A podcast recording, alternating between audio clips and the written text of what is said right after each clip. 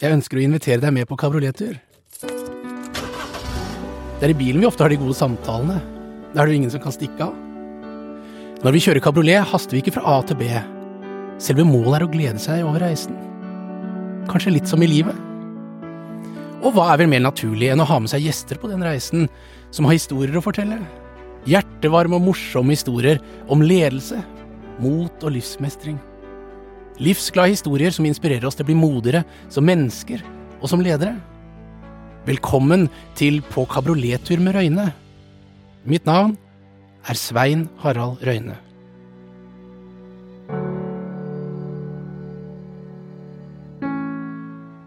Hei, hei, og velkommen til På kabriolettur med Røyne. Juhu! I dag så har jeg eh, fått med meg den fantastiske Bjørg Toralsdatter. For å si det mildt. Du kan bare fortsette. Ja.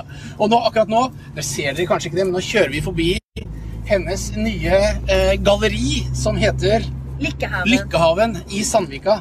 Fantastisk. Jeg har nettopp vært der inne. Det var utrolig lekkert. Altså, hvis ikke du ja, det, det mener jeg. Altså, hvis du eh, er både eh, Hvis du er en klok mann, så drar du dit og kjøper noen gaver til din eh, kjæreste eller kone eller hvem det nå er. For da blir det noe på deg. Det vil jeg tro òg. Og, er du god venninne, så drar du dit eh, og kjøper. Og hvis du har lyst til å pleie deg selv, så drar du også og gjør det. Ja, man skal ikke glemme seg selv. Det er viktig.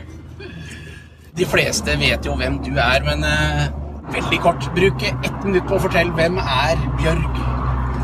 Jeg Jeg vet ikke, jeg. Heter Bjørg. Pappa og mamma er islandske, så derfor heter jeg Toralsdottir.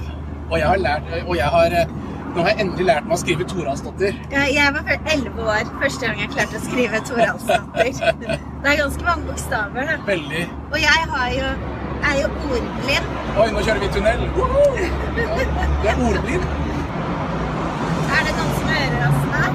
Er ingen som hører oss nå, for nå er vi i tunnel, men vi er ute av den hvert øyeblikk. Sånn. Her. Endelig. Der er vi ute av tunnelen. Det var godt. Ja. Nei, eh, jeg pleide bare å bli kalt for bomullsdotter, for at jeg er så distré. Jeg er kunstner, og så Så jeg har ti års kunstutdannelse bak meg. Men så er jeg plutselig er jeg forfatter også. Og jeg har skrevet en hel haug med bøker. Og så alt fra barnebok med 'Pappaen min bor i himmelen' til eh, en bok hvor jeg mener hvordan finne lykke i hverdagen. Veien til lykke. Veien til lykke. Til eh, poesibøker. Til erotikk. For alle tenker jo på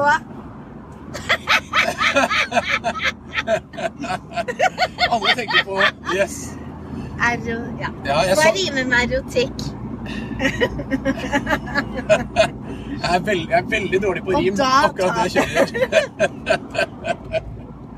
Se her, ja. Det, ja. Du må få den så vi ser i, i kameraet her. Ja. Skal vi se. Første Nei, er første sjampanjen Jeg ble søkkvåt! Det var veldig gøy. Det var kjempegøy.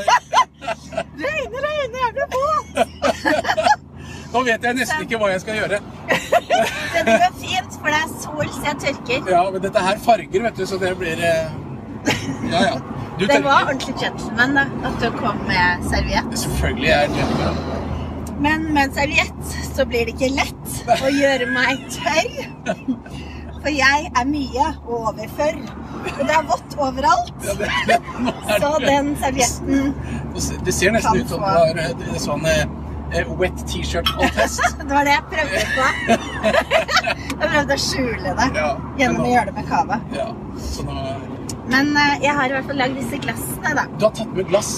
Ja, fordi Ja. at Du vet at Marie Antoinette De lagde jo pupper Nei, de lagde champagneglass etter puppene til Marie Antoinette. Har de gjort det? Ja, det er lenge siden. Og hun levde jo for lenge siden, Marie Antoinette. Ja. I Frankrike. Dronning. Og hun hadde veldig små pupper. Oh. Så for sånne som meg, så blir jo det veldig fort tomt. Du får ikke en Og det er litt flaut. Ja. så da gikk jeg til sjefsdesigner på Hadeland Glassverk og spurte om vi kunne lage glass etter mine pupper. Og da sa hun Bjørg, det går dessverre ikke. For da blir det ølmugger. altså, men jeg fikk vilja mi. Så disse her håndglassene på Hadeland glassverk lagde etter puppene mine. Og vet du hva det står på glasset? Nei. Full pupp! Og nå skal, nå er, dette er altså første gangen det drikkes champagne fra full puppglass. Ikke på om du skal fylle de. Sant, nei. Jeg skada allerede skjedd, så, Ja, det er for så vidt sant. så vi har jo ledd. Du er allerede våt.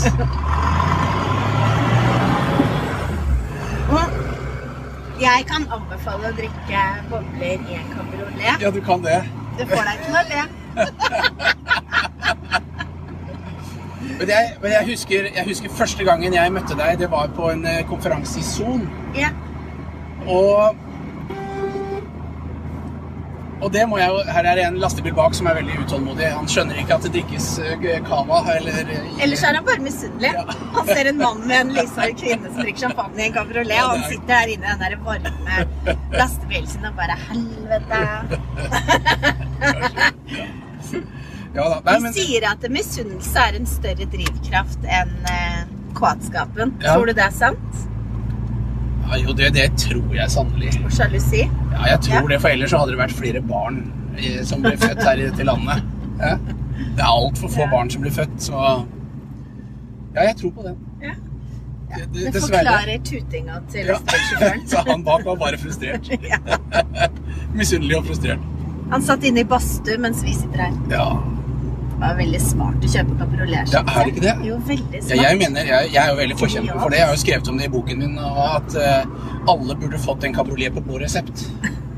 Det, det kan jeg faktisk nå, så er jeg helt enig. Ja. Og, det, og, det, og en av årsakene til det er jo at jeg syns kabriolet representerer egentlig slik man burde leve livet sitt. For når du setter deg i en vanlig bil, Ja. så kjører jo du fra eh, A til B. Ja. Formålet med å sette seg i bilen er å komme seg fra A til B. Mm. Når du setter seg i kabriolet, så gjør man som det vi gjør nå. Uten mål og mening, vi bare nyter. Og det er jo det livet dreier seg om. Det og, det jo, og det tenker jeg, det er jo det du er eksponent for. Du snakker om lykkebobler, du snakker om le, le, le, eh, hva var boken din het igjen? Eh, Veien til Veien til lykke. lykke. Altså, alt dreier seg jo om å leve i nuet. Ja. For plutselig kan vi dø, og da er det for sent. Ja. ja. Det, vi vet jo ikke, da. Det er noen som mener at det er noe liv etter døden, men jeg, Men jeg satser ikke på det. da. Dette livet. Men jeg ikke, satser ikke på det. Det er litt for høy risiko. Men i hvert fall dette livet med disse menneskene du har rundt deg. Ja. Uansett, det er ikke noe vits i å gå rundt og være deppa og lei seg når man kan være glad. Nei. Det er viktig å sørge og sånn, altså, for all del. ja, Det er kjempeviktig hvis du er lei deg, så sett deg ned og gråt og få ut de tårene, og så gå videre. sant. Man må det. Og hvis du har hatt en jævlig barndom, så få masse terapi, jobb med det, og kom deg gjennom det. For det er helt, du har det, der, det er helt forferdelig slitsomt å gå rundt og være deppa hele tiden. Og når det fins hjelp, så kan man jo ta imot den hjelpen, så istedenfor å være offer i livet sitt Ja. og ta grep, og så få det bedre. Mm. Jeg, jeg er jo tilhenger av dette med å være positiv, jeg, da. I og med at jeg tross alt har et firma som heter Alltid positiv. Så, Men er du alltid positiv? eh, I egne øyne. Jeg, vet du hva, jeg eh, Da jeg kom med det firmanavnet, og, jeg, Mhm. og så eh, Så sa alle ja, men det passer perfekt til deg. Gjorde de det? Ja. Så unntatt barna, de sa nesten alltid positivt. Men det, jeg er veldig, jeg er alle, jeg er veldig positiv i den forstand at jeg, jeg leter etter det som er positivt, og så lar jeg ikke det som er negativt, hva skal vi si, ta over fokuset mitt. Men det er som du sier, man må, hvis det er noe som er eh, trist og vanskelig og sånn, så må man jo ta det inn over seg. Man kan ikke fortrenge. Så jeg, det er ikke sånn at jeg ønsker å alltid positiv og fortrenger andre følelser som også må komme til overflaten. Ja, for det er dødsviktig hvis man er sint eller hva som helst, å få det ut. Hvis man bare holder det inn, så blir man som en sånn trykkoker, og til slutt bare Ja, ja det, det kommer jo til slutt. ja. Da blir man som en cavaflaske som er godt rista. Sånn som den du hadde her nå. Ja. det, Det var litt gøy, da. ja. Men jo, men det var det jeg skulle til å si. Jeg møtte deg jo der på, i Son, og da eh, Sannsynligvis så kommer vi ikke til å komme til det poenget.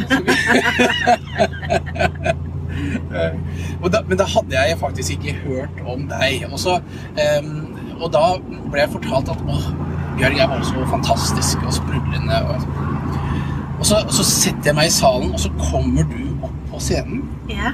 Og vet du hva? Du bergtok meg. Altså, jeg har aldri sett noen oppe på scenen der som, som bare eh, strålte og, og hadde så energi og så karisma. Nei, gud, så hyggelig. Det var helt eh, fra en annen planet. Nei, er det Ja, jeg ble helt stum av beundring.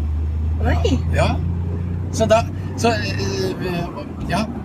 Nei, det var helt det, det var du hadde formidling, formidlingsevne eh, helt utover det vanlige. Altså. det skal jeg huske på når jeg står bak sceneteppet og er litt strett nervøs. For jeg er alltid nervøs før jeg skal ut på scenen. Så det skal jeg huske på. Røyne hans sa det var hyggelig. Takk. Ja, men det var Du, fantastisk. nå kjører vi forbi huset til min første forlovede. Oi! Jeg har jo klart å bli forlova noen ganger i livet. Ja, hvor mange Så- ganger? nei, det går det noen rykter. snakke det går noen rykter om det. For å si det sånn, hele livet mitt har vært en lang kjærlighetshistorie. Og det har ikke vært kapitler, men det har vært liksom eh, mer vært noveller. Det er no Noveller, ja. Ja, Det har vært sånne korthistorier. Ja, De, ja, du, det, det er ikke én lang historie. du, men hele liker, livet mitt har vært korte ja. Men da var jeg 17 år og syklet fra Lommedalen og hit. Oh, ja. Og var kjempeforelsket. Og ble fridd til, hold deg fast, på dansegulvet på danskebåten. Gjorde du det? Ja. Ja, Med ring med verdens minste diamant. Okay. For vi var jo bare 17 år. Ja. Og da svarte Og det var jo du veldig søtt. Som jeg pleier. Å, ja. Hver gang du blir fritt så Ja, svarer du ja. Jeg tror ærlig talt hver eneste gang så legger jeg alle kluter til, åpner hjertet mitt helt og Ja. tror at det er mannen i mitt liv. Hver gang. I 100 tenker jeg nå dette her er mannen i mitt liv. All in. Mm. Så min uh, australske venninne sier bare Oh, it's Mr. Right for now, isn't it? York?» Men jeg tror virkelig at det er. Men eh, mange er jo redd for, etter å ha, eh, å ha hva skal vi si, deres øyne mislykkes i kjærlighet, eller har, Ja. og sånn, at de ikke tør å elske igjen. Mens du har da turt å elske og elske og Ja, og jeg er elske. supermislykka. Det er jo helt tragisk. Er Jeg har prøvd så mange ganger ikke fått det til. Ja. Hva, er- hva skyldes det, tror du? At utålmodighet At når jeg merker at det ikke er bra, og så ser jeg at vi har kanskje forskjellige verdisyn, og at vi har forskjellige grunnholdninger, og at vi kanskje har helt forskjellige drømmer om hvordan livet skal være, så, så tenker jeg bare dette her kommer jo ikke til å vare. Og da gjør jeg det slutt etter kanskje seks måneder istedenfor å være i det i seks år, og så gjør det slutt. Det er lurt, men, men eh, da tenker jeg du finner ikke ut av dette før du sier ja til forlovelse. Det pleier å gå litt fort. Så det er heftig eh, Da er det heftig, da. Ja, jeg blir veldig forelsket. Ja. Jeg er veldig spontan. For så vidt. Det er ikke så vanskelig å, å forstå. Så nå er jeg omrunget med champagne. Eller cava, da. Så jeg må si, jeg har lagd denne lykkeboblen her. Ser du? Den er rosa. Alle tror at den er veldig søt, men det er den faktisk ikke. Men du kan jo ikke smake på den. Jeg kan lukte. Ja. Jeg er jo, jeg er jo eh, vin... Du kan jo bare lukte på meg. jeg stinker. Ja, men det, ja, det lukter godt. Ja. Ja, nei, det er ja, det, den så, det ser veldig god ut. Jeg må få, få en smak av den en dag når eh, jeg ikke skal kjøre. ja. Eller når vi skrur av kameraet. Ja, for det, hvis ikke så er det bevis. Jeg kan ikke snike meg unna det i, i ja. Ja. Nei, men det, det er fantastisk at du har eh, en av Du er vel kanskje den som har vært eh, forlovet flest ganger i Norge, da? Ja, jeg har blitt forlova noen ganger. Ja. Men, eh, men eh, det har vært mye gleder, da. ja, ikke sant. Det er jo det. Det har vært masse fint. Da, historiene har jo vært kjempefine helt til det ikke var det lenger. Men hvordan kommer du deg etter, etter brudd? Hva er det som får deg tilbake igjen? Nei, jeg er faktisk ekstremt lei meg når det blir slutt. Og så, så da er jeg kjempe, kjempelei meg. Og så er det akkurat som at hvert eneste frø av glede Nei, hvert eneste glede har et frø av sorg. Så det er akkurat som all den gleden jeg har fått i løpet av den tiden, betaler jeg tilbake i sorg. Og så eh, lager jeg masse triste tegninger som jeg ikke viser til noen. Du gjør det, ja? Ja. Ehm, for, men det er for å ikke utlevere kjæresten, på en måte. Ja. For at det, eh, og s- For det er min måte å bearbeide ting på, er jo å male og tegne. Mm. Og så eh, har jeg heldigvis masse gode venner som orker å høre på når jeg kommer for n-te gang og har kjærlighetssorg. For det gjør vondt, selv om du er den som slår opp, så gjør det like vondt. ja, men det skjønner jeg jo. Mm. Ja, man det, det er noe med føle at du på en måte, Det er kanskje feil å si mislykkes, men når det blir et brudd, så ja, Det var kanskje Ja, vi kjører litt Nei, at Man kan føle liksom eh, på, på en sånn følelse av mislykket, selv om man Ja. For man ønsker jo, du ønsker jo i utgangspunktet at det skal gå bra. Man gjør det som man føler seg. Så, men det er ikke bare det. Men du har jo blitt glad i et menneske også. Ja. Men hvis du har vært sammen med noen hver dag over en periode, så blir man jo veldig glad i mennesker også. ja. Så det er jo kjempetrist. Du mister på en måte bestevennen din og alt på en og samme dag. Mm, Det er supertrist. ja. Så jeg har en kjempesorg. Og så eh, prøver jeg å gjøre hyggelige ting, og så tar jeg veldig godt vare på meg selv. Så jeg står opp om morgenen, og så mediterer jeg og gir meg selv masse kjærlighet. Prøver å spise sunt og trene og gjøre de tingene som jeg vet at Sånn at jeg får opp endorfinene. Altså, du har, du har men, hvis du- Jeg har god erfaring. Ja. Jeg er skikkelig proff på Så, det, liksom. ja, ikke sant, det var det jeg skulle til å si, at eh, hvis eh, seerne skulle få noen tips av deg på hvordan man skal bearbeide sorg og kjærlighetssorg, så Det er å gi kjærlighet til seg selv. til seg selv. Det er kjempeviktig. Ja. Gi seg selv omsorg og kjærlighet. Og tid. Og så tenke at det er helt vanlig å ha sorg. Og ikke tenke sånn Hvorfor er jeg så deppa nå? Hvorfor er jeg så lei meg nå? Nå er det så og så lang tid siden, så nå burde jeg egentlig være glad. Men tenk, hvis du er lei deg, så ta frem masse bilder. Sett på trist musikk. Gråt og skrik, og så får du det ut, og så kan du gå videre. Kan du komme deg videre. ja. Ikke bare bli i det. Nei, det er det, ikke sant. Og det tror jeg det er dessverre altfor mange som sliter med, at de ikke klarer å komme seg videre. Ja. Eh, Og det gjelder på mange, mange områder. Altså når man, eh, som du sa, hvis du sliter med noe, så gå og få hjelp. Mm. Ja, men sørg for at den hjelpen hjelper deg videre. ja. Ikke bare graver og graver. Nei, nei, nei, du skal ikke puste lulle inn i sånn. Men det er et valg man tar om man vil være et offer i livet sitt, eller om du vil være kaptein i livet ditt. Mm. Om du har lyst til å sitte sånn som jeg sitter her, og bare bli tatt med i livet, og du har null anelse på hvor du skal, og no saying. Eller om man skal være sånn som deg, som bare bestemmer og velger de veiene som er riktige for deg, og der hvor det føles riktig å dra. Riktig. Og du har valget i livet ditt, da, om du vil være et offer og bare 'Å, stakkars meg', og alt er så fælt, og alle er så slemme mot meg, og ingenting går, eller å stå opp for seg selv og si 'Jeg gidder ikke leke med de som er slemme mot meg', jeg gidder ikke være i denne jobben hvor jeg ikke har det bra'. Jeg vil ikke være i det ekteskapet hvor jeg ikke blir sett eller verdsatt. Liksom bare å ta valg, da, sånn at man Og det å sitte og være kaptein er jo ofte vanskelig, fordi at eh, folk forventer at du skal være så medgjørlig og sånn som du alltid har vært. Så plutselig så stiller du krav til andre og, ja, og innfrir ikke de forventningene de hadde til deg. Og da, da blir det vanskelig, det også. Så det handler bare om å Men det som er så fantastisk, Ja. er at du står opp for deg selv. Og det, da gir du deg selv kjærlighet og verdighet og respekt. Mm. For at det, det som gjør mest vondt, er jo det å ikke stå for seg selv. Det ikke være sann mot seg selv. Men jeg tror veldig mange tror at de ikke har den kraften i seg. Kraften til å stå opp for seg selv. Den er der. Den er der. Helt utrolig hvordan den er der. Folk fra Syria som har gått over hele Europa, sier jo Flyktningleirer og sånt, som sier at de kan ikke tro den kraften som de har hatt i seg. Det er jo helt vanvittig. Ja. Eller norske fanger som ble sluppet ut av konsentrasjonsleirer i 45 og gikk hjem og var helt utmagra og gikk hjem til Norge gjennom hele Europa. Mm. Det er jo helt sinnssykt. ja. Den kraften som er i mennesket, den er så sterk. Den eneste som stopper deg, er faktisk deg selv. Og så er det viktig å ha mennesker rundt deg som heier på deg og tror på deg. Ikke de som forteller deg at du ikke har kraft, for den har du. Den har du. Virkelig, altså. Ja, det er Og den kraften blir sterkere og sterkere det mer tro du er mot deg selv. For når du ikke er tro mot deg selv, så bruker du opp kraften bare for å holde deg oppe i et mønster hvor du ikke har det bra, og som tar, suger masse energi fra deg. ja, når du prøver å være noe annet enn det du er. Ja. Ja. Fordi du, det er det folk rundt deg forventer, eller du tror at de forventer. Mm. Så det er utrolig deilig å bare være seg selv Ja. og ikke drite i den fasadegreiene. Og bare tenke jeg er bra nok som jeg er. Og så for de som liker meg, liker meg. De som ikke liker meg, de liker meg ikke. Og så ikke være en crowd pleaser.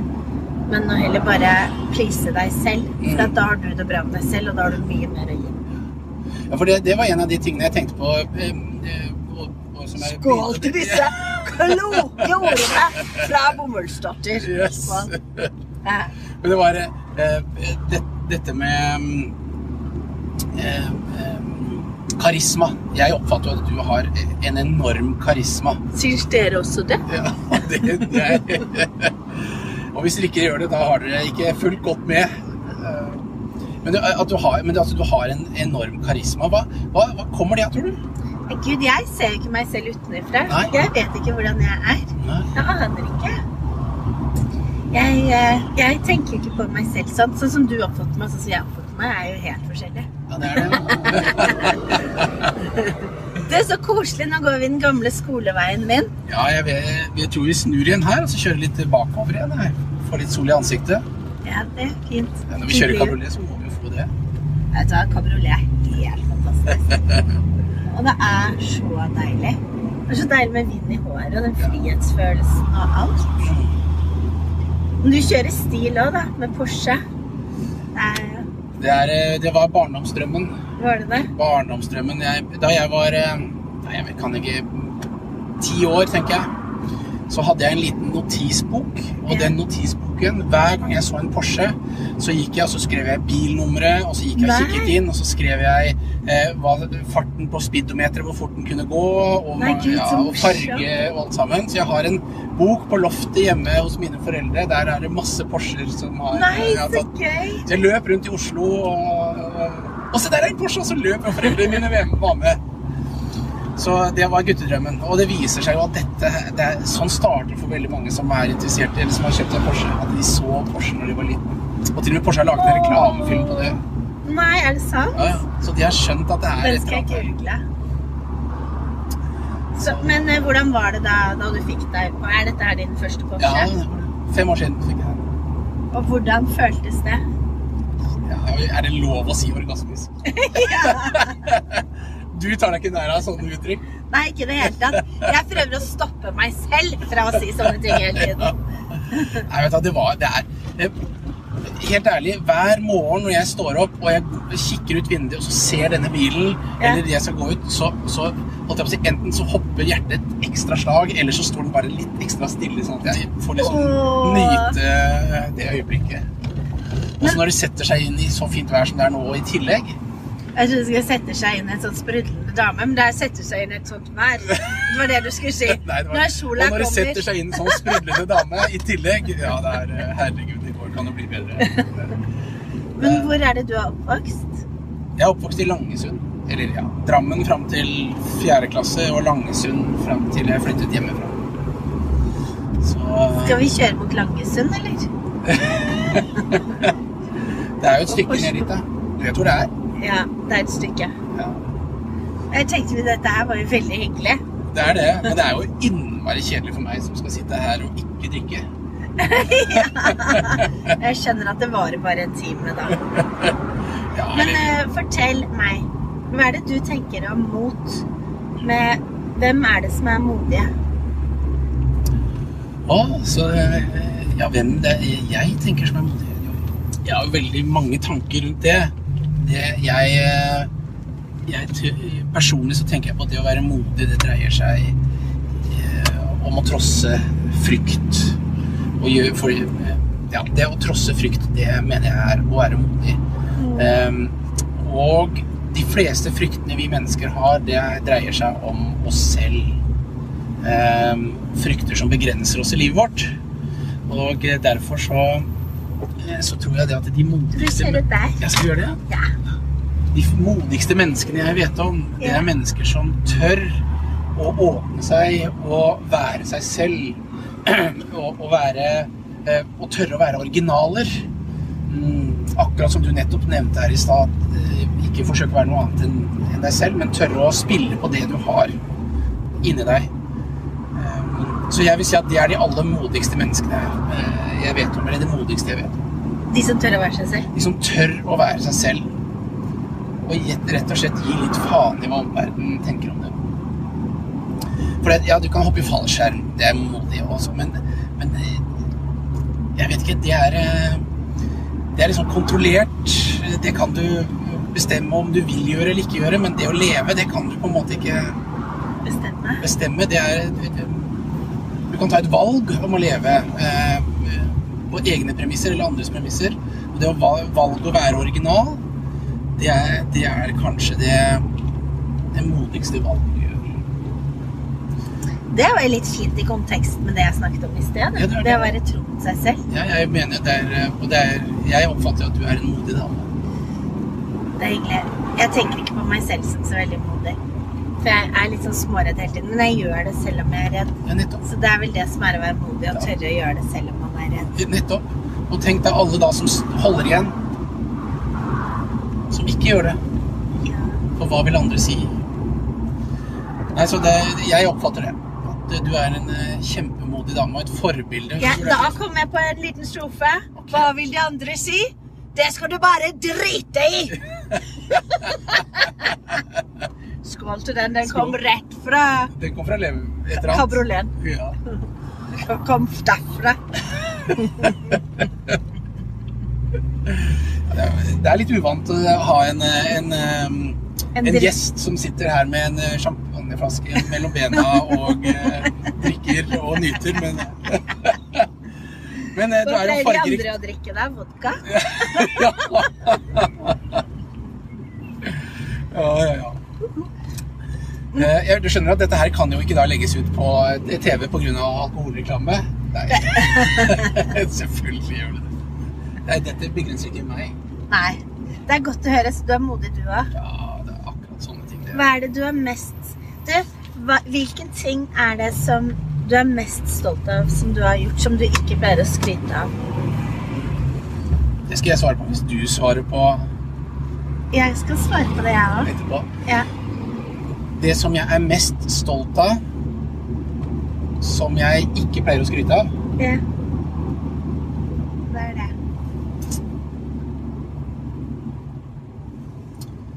Jeg pleier å skryte av det meste. Hva kan det være? Det, er jo veldig Det er jo veldig lett En eller annen handling eller Ja, men det er veldig lett, det er veldig lett å si at det har noe med, med barna å gjøre. Og at, jeg, er veldig, jeg er veldig stolt av uh, at jeg har vært og er en god far. Jeg mener selv at jeg er en, at jeg er en veldig god far. Uh, eh, det, ok, og i relasjon til det da, det andre er, er også at jeg eh,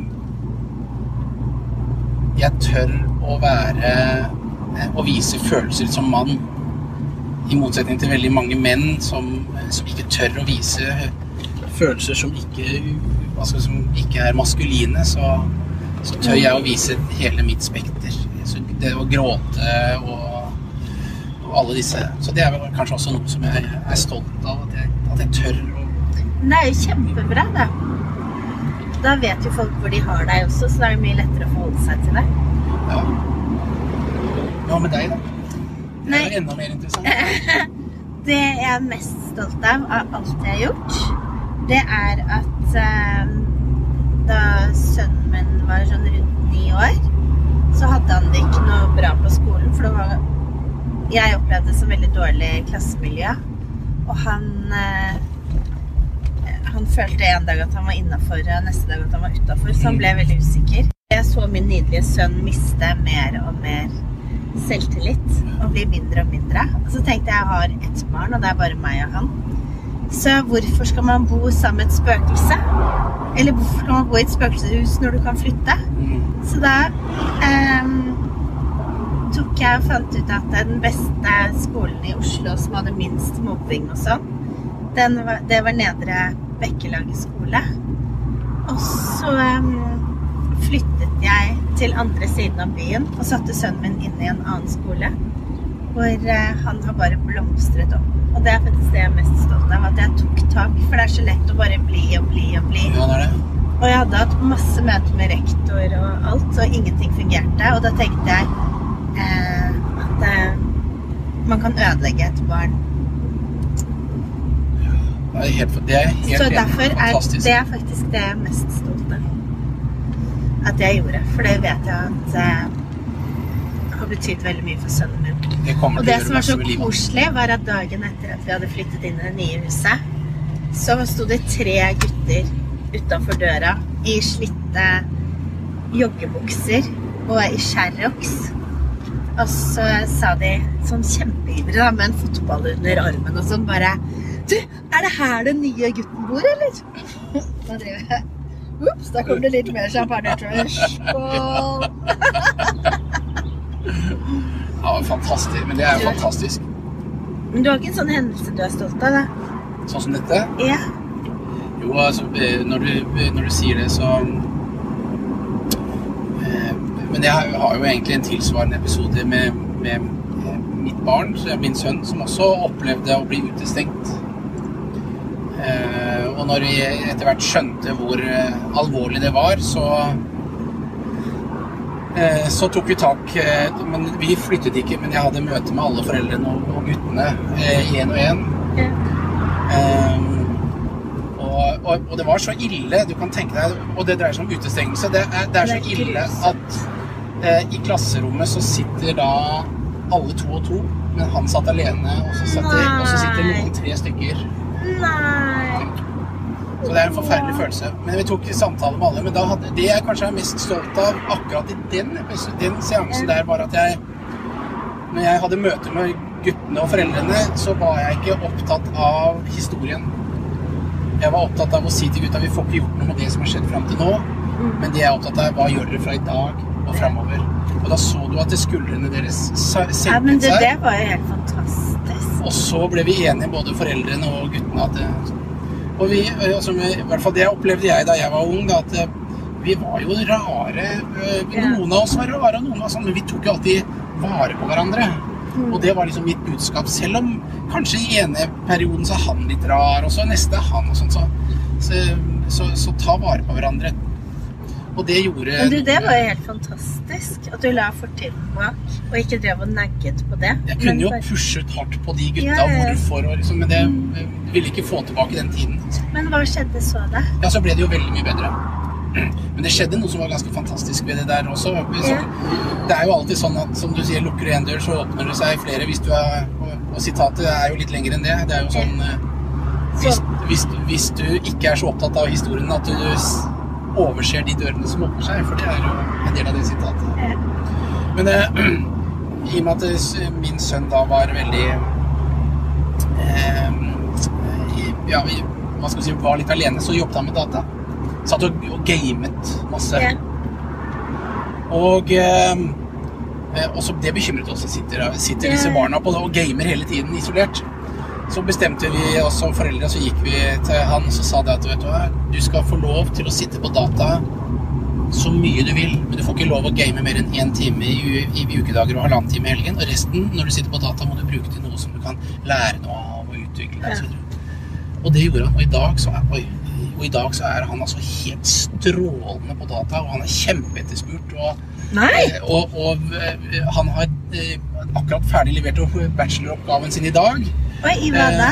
Eh, Han eh, jobber på kreativitet, eh, eh, innovasjon og forretningsutvikling. Oi. Men han jobber med Google-optimalisering og Facebook-search og er fantastisk flink og etterspurt. Og han har, han har eh, jobbet ved 70 stilling ved siden av studiet sitt og tjent masse penger. Nei, og, så fantastisk. så han, så Hvor gammel er han? ja, nå er jeg tre, fyller vel 23 i år. Ikke mer? Nei. Dette er fantastisk, da. Så det at han da så, så du kan si det at det som gjorde at han eh, ikke hadde så stor, stor venn... Eller Ja. sånn det, er, det, det ble snudd til noe positivt. Så veldig det er kjempe, han, han er så flink og har det så bra og Åh. fantastisk gutt på alle måter. Åh, det er helt fantastisk. Men det med utestengende, Tenk altså, når de driver holder på med det i jobb, med voksne Ja. Voksne blir jo helt knekt når de blir mobbet eller utestengt. Tenk hva det gjør med barna, da. Ja. Så tar man så lett på det med barna. Men eh, det er jo så mye mobbing i skoler og overalt. Ja, det, Og det er så utrolig viktig at hvis man vet om noen som blir mobba, eller hører om noe, at man tar tak. Mm. Liksom Om det så ikke er ditt barn, men om du hører om et barn, eller sånt, så bare ta tak, for det kan ødelegge et menneske. ja. Fullstendig. Hele fremtiden. Definitivt. Og det kan definitivt ødelegge. eh, Og, eh, og så har du Det går veldig bra med mange. Ja, det, men det dreper også mange. Det er mange som tar livet av seg. Ja. Bare forrige uke så hørte jeg om en 12-åring og en 14-åring som har med seg. Så det er så viktig å ta det på alvor. Ja, er- hvis du ser noen som blir mobbet, hører om noen, og også voksne, så bare Det skal bare én person til for å endre den personen. Du kan være den personen! Hva er det? Ja, jeg snakket med en som jeg kjenner som jobber høyt oppe i, i Forsvaret. Eh, og han sa det at eh, han ble mobbet da han var ung. Han sa du, eh, det er sår som aldri kommer til å grå, selv om du gjør det Selv om du klarer deg bra i livet, så, kommer du, så, så, så sa han det til meg at de, de, kommer, de sårene, de vil alltid være der. Eh, så det er, eh, det er, det er tøft. Ja. Jeg må si jeg er eh, Har du opplevd noe sånt opp gjennom din oppvekst? ja, jeg opplevde mobbing også i en periode. Gjorde du det? Mm, så jeg vet hva det er. Hva, hvordan håndterte du det, eller hvordan kom du deg gjennom det? Og jeg, jeg syns Jeg sa det ikke til noen, jeg, for jeg syns, så jeg sa ikke noe hjemme eller til noen. Så Men eh, jeg fant etter hvert min fant, Jeg tror det som hjalp, var å komme på mm, ungdomsskolen, og så fikk jeg noen nydelige venninner der, og så kom jeg ordentlig hjem da jeg begynte på tegning, for noen farge.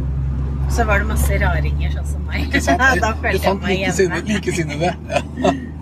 Men det er interessant at veldig mange av de som faller litt utenfor når de møter andre likesinnede som er, som, si, er mer originale, for eh, så blomstrer de, ikke sant. Så originaler trives sammen med originaler. Fordi andre Ja, eller fordi at man ikke blir dømt av hverandre. Ja, Og det tror jeg faktisk er at veldig mange som eh, ikke har det så bra med seg selv, eller som eh, de dømmer seg selv veldig hardt. Og når du dømmer deg selv veldig hardt, som mange gjør, så dømmer de også andre veldig Ja, hardt. ja. Og de menneskene som dømmer veldig hardt, er det ikke noe godt å være rundt, for at du føler ikke at du kan bare være deg selv. Ja. Så jeg tenker bare slapp av.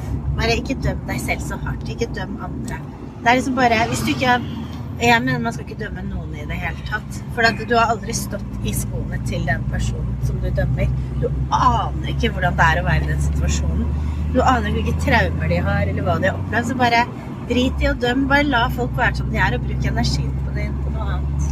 Men har du opplevd en situasjon eller noe du har gjort som du virkelig følte at du har driti deg noe så lodret ut? Sånn helt sånn at du skulle ønske det var et kjempedigert høl som du kunne hoppe ned i? Har du det? Eh, Ja, ja, men jeg er Og hvordan takler du det i så fall? Jeg er altså eh, Jeg har altså så utrolig dårlig eh, jeg, eh, jeg, har jo, jeg er jo stort sett veldig lykkelig, Ja. takket være at jeg har så ekstremt dårlig hukommelse. Så jeg husker jo ingenting om noen ting. Så jeg husker jo aldri sånne eh, teite ting jeg har gjort, eller noen ting. Det er helt fantastisk. Er, du kan spørre vennene mine, de husker det. Men jeg har altså gjort så mye idiotiske ting. Men heldigvis husker jeg det ikke. Så du gnager ikke på det etterpå? Nei. Men når du står der og da Det er ikke sånn at du har stått et sted, og så plutselig så forsvinner alt blodet fra ansiktet? det siste jeg husker, var at jeg var eh, langt oppe i Gokk, oppe i Nord-Norge et sted. Og så Men det var virkelig oppe i Gokk, altså. Jeg tror det var liksom ti stykker som bodde i landsbyen. Og så hadde, kom det busslaster inn fra Tromsø med folk. Så var det et gammelt kulturhus hvor lydanlegget var sånn at det, du kunne ikke gå helt frem til, til kanten av scenen med mikrofonen, for at ledningen var for kort. Oi. Så måtte jeg liksom stå litt lenger tilbake. Og så var det ikke blitt gjort noen ting på det huset siden det ble bygd i 1950. Så når du sto der, så, um, så måtte jeg liksom bare stå der og prøve å snakke og sånn. Og så hadde jeg på meg noen så høye hæler. Og så jeg driver jeg og snakker, og det er stappfullt hele salen. Gamle samfunnshuset fra 1950 er stappfullt. Og det var altså bygd med materialer i 1950 hvor det var veldig dårlig råd. Noen av trappetrinnene var så smale, noen var så liksom. Og så står jeg der og bare prater om livet og hvor viktig det er å bare ta det som det er og sånn. Og så idet jeg har sagt det, så skal jeg liksom virkelig poengtere, da. Og da er jo den ledningen litt for kort, og så bøyer jeg meg frem, og så er det så dårlig kvalitet på de trappene, som er fortsatt fra 1950 og litt råtne. Så jeg bare går på de trappene og tryner ned fra scenen. og, og ligger da på bakken. Og så er jeg altså så flau, for da har jeg falt ned foran alle disse damene for at jeg hadde litt for høye sko, og de der trappene begynte å morkne litt. Så jeg bare lå der. Og så tenkte jeg sånn Hva skal jeg gjøre nå, liksom? Så, tenkte, så husker jeg at jeg lå der og tenkte Skal jeg leke død? Men så eh, Og så bare gikk jeg opp igjen, da. Nå, og de bare Å, hun lever! For det var liksom helt stille. Helt stille. Så gikk jeg opp, og så bare tok jeg mikrofonen, og så sa jeg bare Så det som er viktig, det er at hvis du tryner, gjør det med hertesko, så gjør du det med stil. Men det er Jeg tar ikke meg selv så veldig høytidelig. Så jeg tenker bare hvis det går til helvete, så går det til helvete. Det, det, Det, det er jo, ikke sant, i det går jo alltid bra. Det ordner seg. Så lenge jeg ikke dreper noen, liksom, Ja. så går det jo fint. Ja, jeg hadde en episode som jeg, som jeg var Jeg følte meg altså, jeg, helt grusomt. For jeg, jeg var med i et herreselskap, og dette var et sånn fornemt eh, herreselskap. Uh, og så var jeg blitt kasserer, og, og det Ja da. Hvor mange striper Ja, hadde det var masse striper, vet du. Og så sitter og så Det blir litt sånn fuktig utover kveldene, og da sitter vi i herreselskapet og synger sanger. Ja. Eh, og dette er gamle sanger, for dette herreselskapet er veldig gammelt. Altså, Hva heter dette herreselskapet? Ja, jeg, jeg vet nesten ikke om jeg skal si det, men jeg, jo, det heter Moss klubb og ballselskap. Oi! Moss klubb og ballselskap. Er det kun for herrer? Ja, kun for herrer. Og så sitter vi der, og så, og så sier igjen til meg at du, Sven Harald, disse sangene her, han, var- han var, eh, hadde, var en, si, en betydningsfull eh, skikkelse i byen. Ja. Så sier han, at disse sangene er litt treige, altså, du burde jo, dere er unge, dere, jeg er ung, da var jeg Ja, ja. er 40 år ung, jeg dro ned. Ja, dere må synge litt, eh, dere må kline til litt, og komme litt noe nytt jeg er ikke så vanskelig å be, da.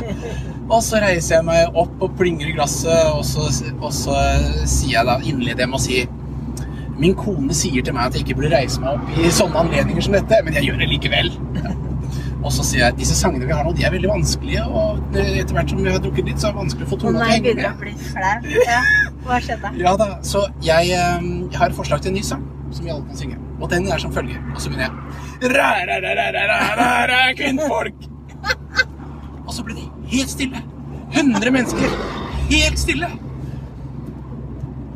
Og jeg bare kjente blodet forsvant ned fra hele hodet. Og, og, og hva skjedde? Og så plutselig så er det en kamerat av meg som jeg hører borti der, som bare ler sånn.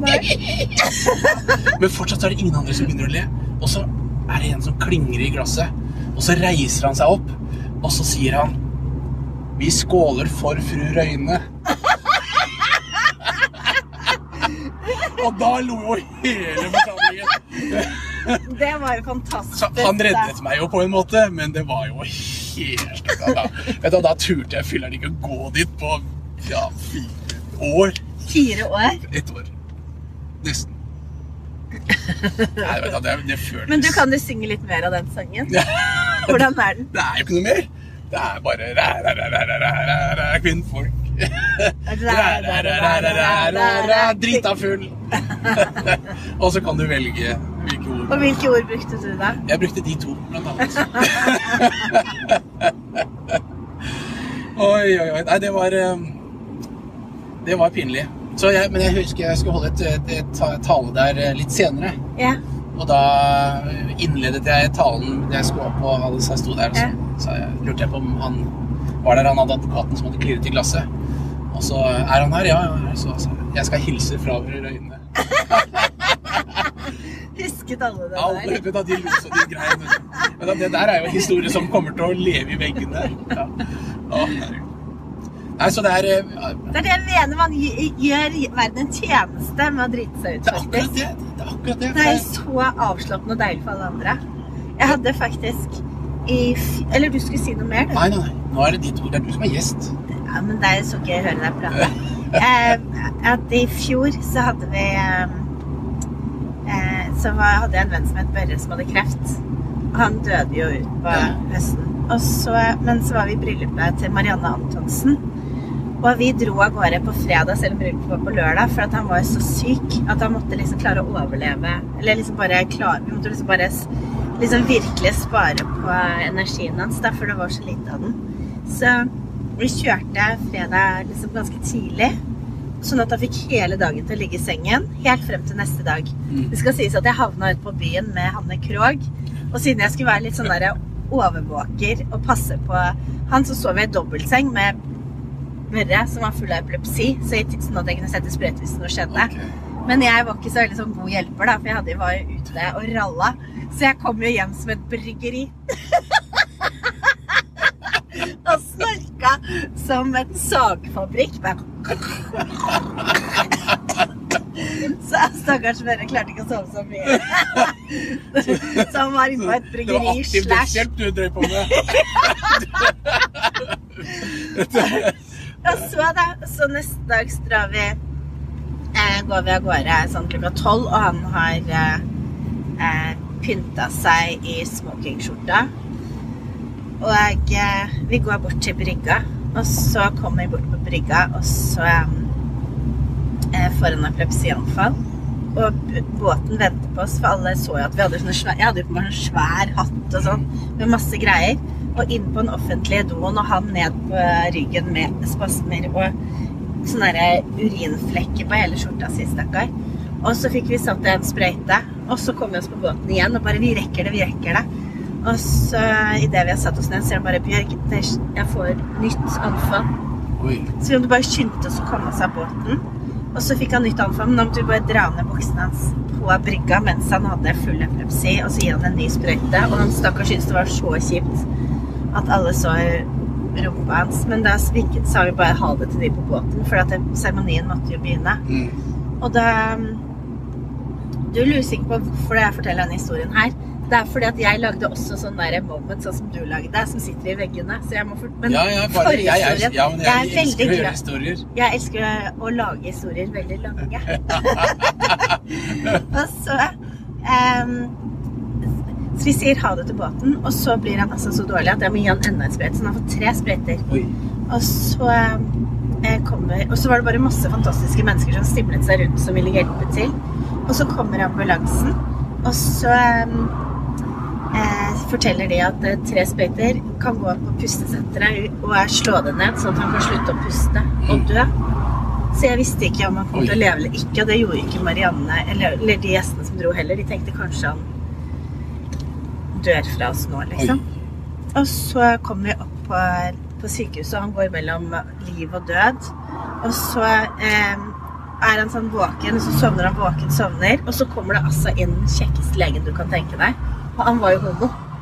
Plutselig våknet Børre til liv, og i den skjorta med det der urinflekker og alt, og er akkurat vært liksom bevisstløs og nesten død. Og masse ledninger, så bare ser han på den der legen og bare Halla? Og så tenkte jeg det er liv i den kroppen. og så bruker vi tre timer på for å finne ut hvordan vi skal stikke av. da. Så vi tar og Stikke av. Ja, for å rekke komme, klare å Å, ja. oss i bryllupet. Og så om jeg skal bare ta hele sykesengen og kjøre den nedover gaten i Fredrikstad. Så til slutt da, så får vi skrevet under på et papir at vi um, sjekker ut hotellet på egen risiko. Ikke regning. og så um, For det var det han ville oppleve. Han visste jo at han skulle dø. Og så em, er det helt utrolig. For det var akkurat som vi var alene i verden. Vi kom ut av sykehuset. Det var ingen på gatene. Ingenting. Så går vi ut, og akkurat det vi går ut av gata, så bare kommer det en ledig taxi opp foran oss. Vi hadde ikke ringt etter taxi eller noen ting. Og så kjører den opp, og så sier um, Og så sier um, taxi, eller så, sjåføren at han kjører oss frem, alt sammen. Og så um, sier, sier han jo at han ikke føler seg helt bra, men at han må se Marianne. For han har liksom bare Han har jobba så hardt. Han har vært på liv og død og ikke dette eh, bryllupet til Marianne. Og han hadde jo kjøpt bryllupskjole med henne, og dette betydde så mye for han. Bestevenninna skulle gifte seg, og Mm. endelig hadde hun funnet en bra mann. Og så eh, åpner vi de dørene inn i gamle Fredrikstad, liksom vis-à-vis gamle Fredrikstad kirke og sånn. Gammelt bygg, helt fantastisk. Og så står altså Marianne her i full sånn derre nydelig bryllupskjole som, hvor hun har tatt fullstendig av, for hun skjønner at hun ikke skal gifte seg igjen. Så hun bare hun har tatt helt av. Det er masse lag på lag på lag. Så ser hun Børre, og så er det bare akkurat som det er bare de to i hele rommet. Og hun bare fyker mellom bordene og glemmer denne svære kjolen som bare velter ned glass, og folk får bryllupskjole i ansiktet. Og hun bare fyker av sted og bare holder rundt Børre. Hvis, og tårene bare renner og renner oss begge to. Og så setter han seg ned, og så er det da så tjukk is, da, siden alle bare visste at han kanskje skulle dø. Og det er, folk sitter jo med tårer i øynene og sånn, så de, han sier bare sånn Så Marianne sier bare sånn Du, Bjørg, kan ikke du ta det der erotiske diktet ditt? Fordi at nå må vi bryte litt is. Og jeg hadde jo, jeg var jo så stressa, for jeg hadde jo holdt rundt og trodde han skulle dø Og alt mulig. Og så plutselig er jeg der, for det er liv og død på én dag. Det er liksom bryllup og død og kreft og epilepsi. Alt. Og så eh, Og så sier jeg bare sånn eh, Jo, eh, er du sikker på det? og så Og ser rundt meg, og det er barn og sånn. Og så er jeg bare sånn ehm, Ok, da skal vi ta litt isbryting her. Så jeg reiser meg opp, og så tar jeg dette diktet som jeg har skrevet helt selv. Er du klar? Ja, jeg er klar. Sikker? Ja, ja, Ok. Det går som følger. Så da må du se for deg det bryllupet med Børre som har overlevd, Marianne i denne svære kjolen, hele gjestene, og jeg står og proklamerer. Elskling, jeg har eh, lagd eh, deilig mat, og den blir servert på et sølvfat. Forretten er kvinnelig østers med saus. Spises med tunga mens du er taus. Og jeg skriker ut om retten er god, før vi går videre på rett nummer to. Og det er verdens deiligste og stiveste pølse. Servert på en seng av en kåthetsfølelse.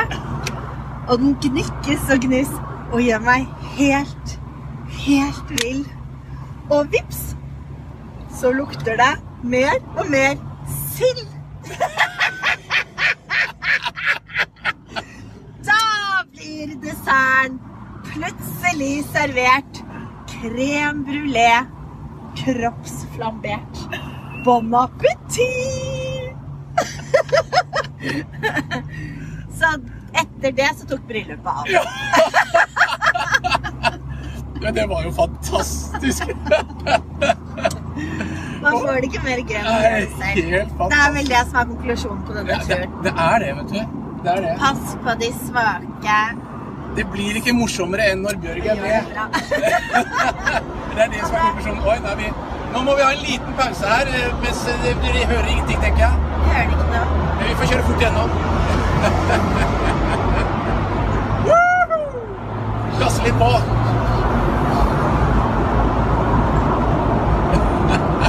Der. Sånn. Da er vi gjennom. sånn. Skål, folkens. Skål. Kan vi konkludere med, etter en time i denne bilen, at cava og cabriolet er lik sant. det, er, det, er, det starter på det samme. Cava cabriolet. Men eh, eh, eh, et par ting jeg vil spørre. Det modigste du har gjort i ditt liv, Det modigste var jeg det har det du nevnte i stad? Eh, Jeg kan nevne flere ting. Det modigste jeg har gjort, er å gifte meg med en mann som var 30 år eldre enn meg. Som var eldre enn pappaen min. Og flytte til eh, Frankrike pga. kjærligheten. Det modigste jeg har gjort, er at jeg turte å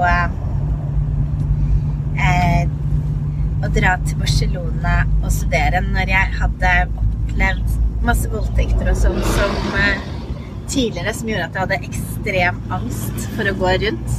Så jeg var kjemperedd i åpne gater, og sånn, for jeg var så redd for å bli overfalt. Men allikevel så turte jeg å trosse det og dro til Barcelona alene. kan, kan jeg stoppe et øyeblikk der? Ja. Opplevd masse voldtekter. Ja, eller ja. Og, ja. Jeg kan bare si det veldig sånn kort. Vi skal ikke gå noe dypt inn på det. Men jeg opplevde eh, gruppevoldtekt da jeg var eh, åtte-ni, som ble litt gjentatt. Og så ble jeg voldtatt to ganger i Mexico da jeg var 17. Så det har gjort at jeg har veldig mye angst og frykt. Så det som jeg er stolt Men jeg har jobbet med det. Det er derfor jeg er så opptatt av terapi. For jeg, det at jeg har jobbet med det i terapi sånn, har gjort at det har blitt mye, mye bedre. Men så jeg er stolt over at jeg har trosset det, for jeg har jo vært Jeg er jo sånn Jeg har vært kjemperedd. Men likevel så har jeg gått rundt med sånn kaninhjerte hele tiden. Jeg har gått rundt i byer og overalt. Men jeg har trosset det og likevel fulgt drømmene mine. det er jo en eh, Det, er. Jeg blir Så jeg har ikke latt, det stoppe meg å leve. Nei. Det er jeg stolt av. Ja, det skjønner jeg. Men hva er det Dette er jo helt grusomt, og dette er det jo mange, sannsynligvis andre, som dessverre også som har opplevd. det er så mange som har opplevd det. Jeg tror faktisk Jeg var i et klasserom, og da hadde halvparten av jentene opplevd det. hva er, det, hva er ditt aller beste Råd? råd for å være gjennom en sånn eh, eksepsjonell traumatisk opplevelse? Det er å eh, få skikkelig ordentlig terapi. Og hvis man og, og, vel, og gå i terapi helt til du finner en terapeut som kan hjelpe deg. For at jeg, så, jeg har gått i så mange forskjellige typer terapier og før jeg klarte å finne en terapi. Eller for meg så fungerte eh, EQ-instituttet, som moren min og Dora faktisk driver. Ja. Det er de som har hjulpet meg mest. Mm. For jeg, før det så gikk jeg til bl.a. en psykolog som i to år som bare så på klokka, og det hjalp ingenting. Så du må bare finne den terapeuten som kan hjelpe deg. Så ikke, ikke gi deg. Bare, for det går an å jobbe seg gjennom det. Og det å gå rundt og ikke ha det godt, det er trått! Det. Lykkeboblene vil jeg gjerne eh, smake. De, de virker, skjønner jeg. Lykkeboblene funker som bare det. som bare det. Og så står det her 'ikke gråt over spilt melk'. Det blir reinkarnert som deilige rosa bobler. Og så står det 'jeg vil være inni en rosa boble'. Det vil jeg. Men hvis du skal Men, men, men eh, fantastisk at du er åpen om dette her og deler, fordi det er, eh, dette tror jeg Hei, du, avgjør det er så viktig. Apropos det vi snakket om i sted, med, eh, med fasade og alt det der. Nå kjørte vi forbi jeg, Lykkehaven. jeg vet det, men eh, vi er ikke ferdige, skjønner du. Eh, Vi må ha bare en liten, eh, en liten avrunding til, for jeg tenkte. Jeg tenkte oss, også å spørre om én ting. Hvis du, for seerne, du har jo opplevd masse, du har møtt masse mennesker i livet ditt. Du har sikkert hatt mange rollemodeller. Mm. Du har opplevd ting selv og, og en erfaring. Men har du noen sånne livsmestringsråd eller tips eller noe du lever etter? Noe som du kan dele med seerne sånn helt, mot, helt til slutten nå? Som Ja, som, gullkorn. Du har jo så masse gullkorn, men Jeg må bare si det som jeg, som jeg elsker deg og lever etter. At hvis du har dritt opp til haka, ikke heng med hodet. Og det andre er at uansett hvor svart og kjipt ting er, det ordner seg alltid. Det går alltid bra til slutt. Men det går alltid bra. Så når du har det dritkjipt, så bare husk at enten så går det bra, eller så går det over.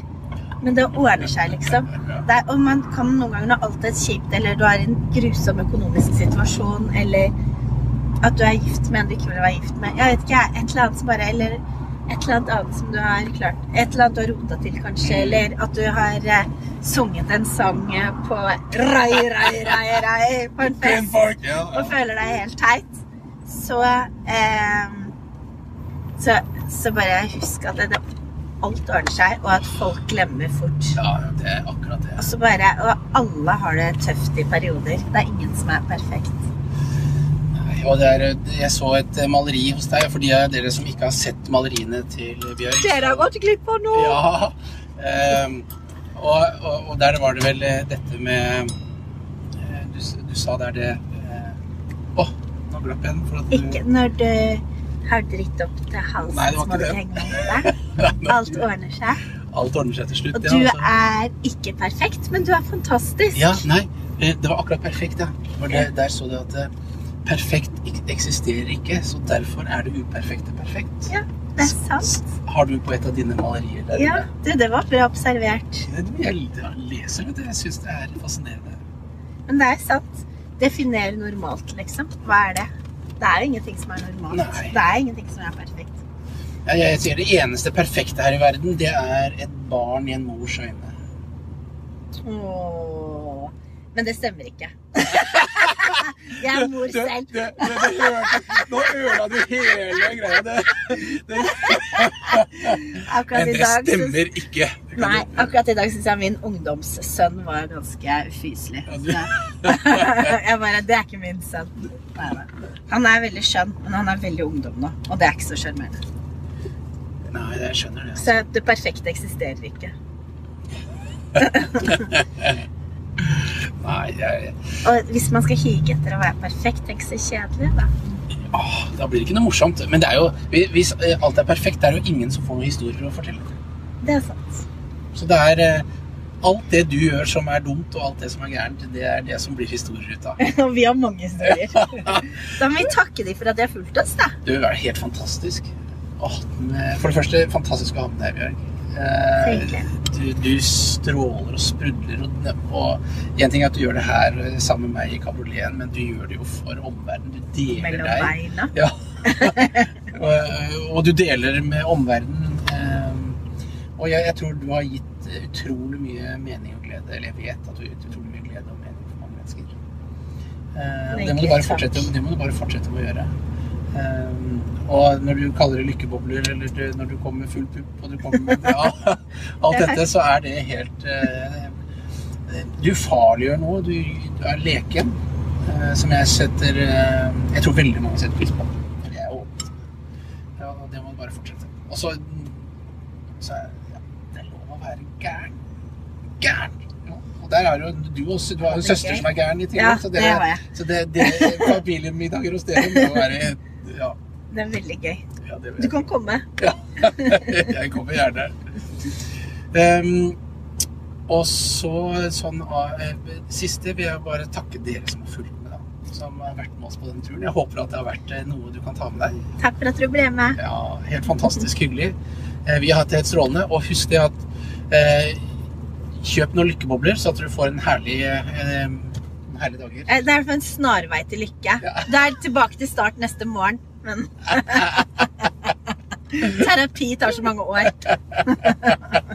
Det er det. Det er billig terapi for en kort stund. Alle episodene ble også filmet. Hvis du har lyst til å se videoene, finner du de og meg på sveinharaldrøyne.com.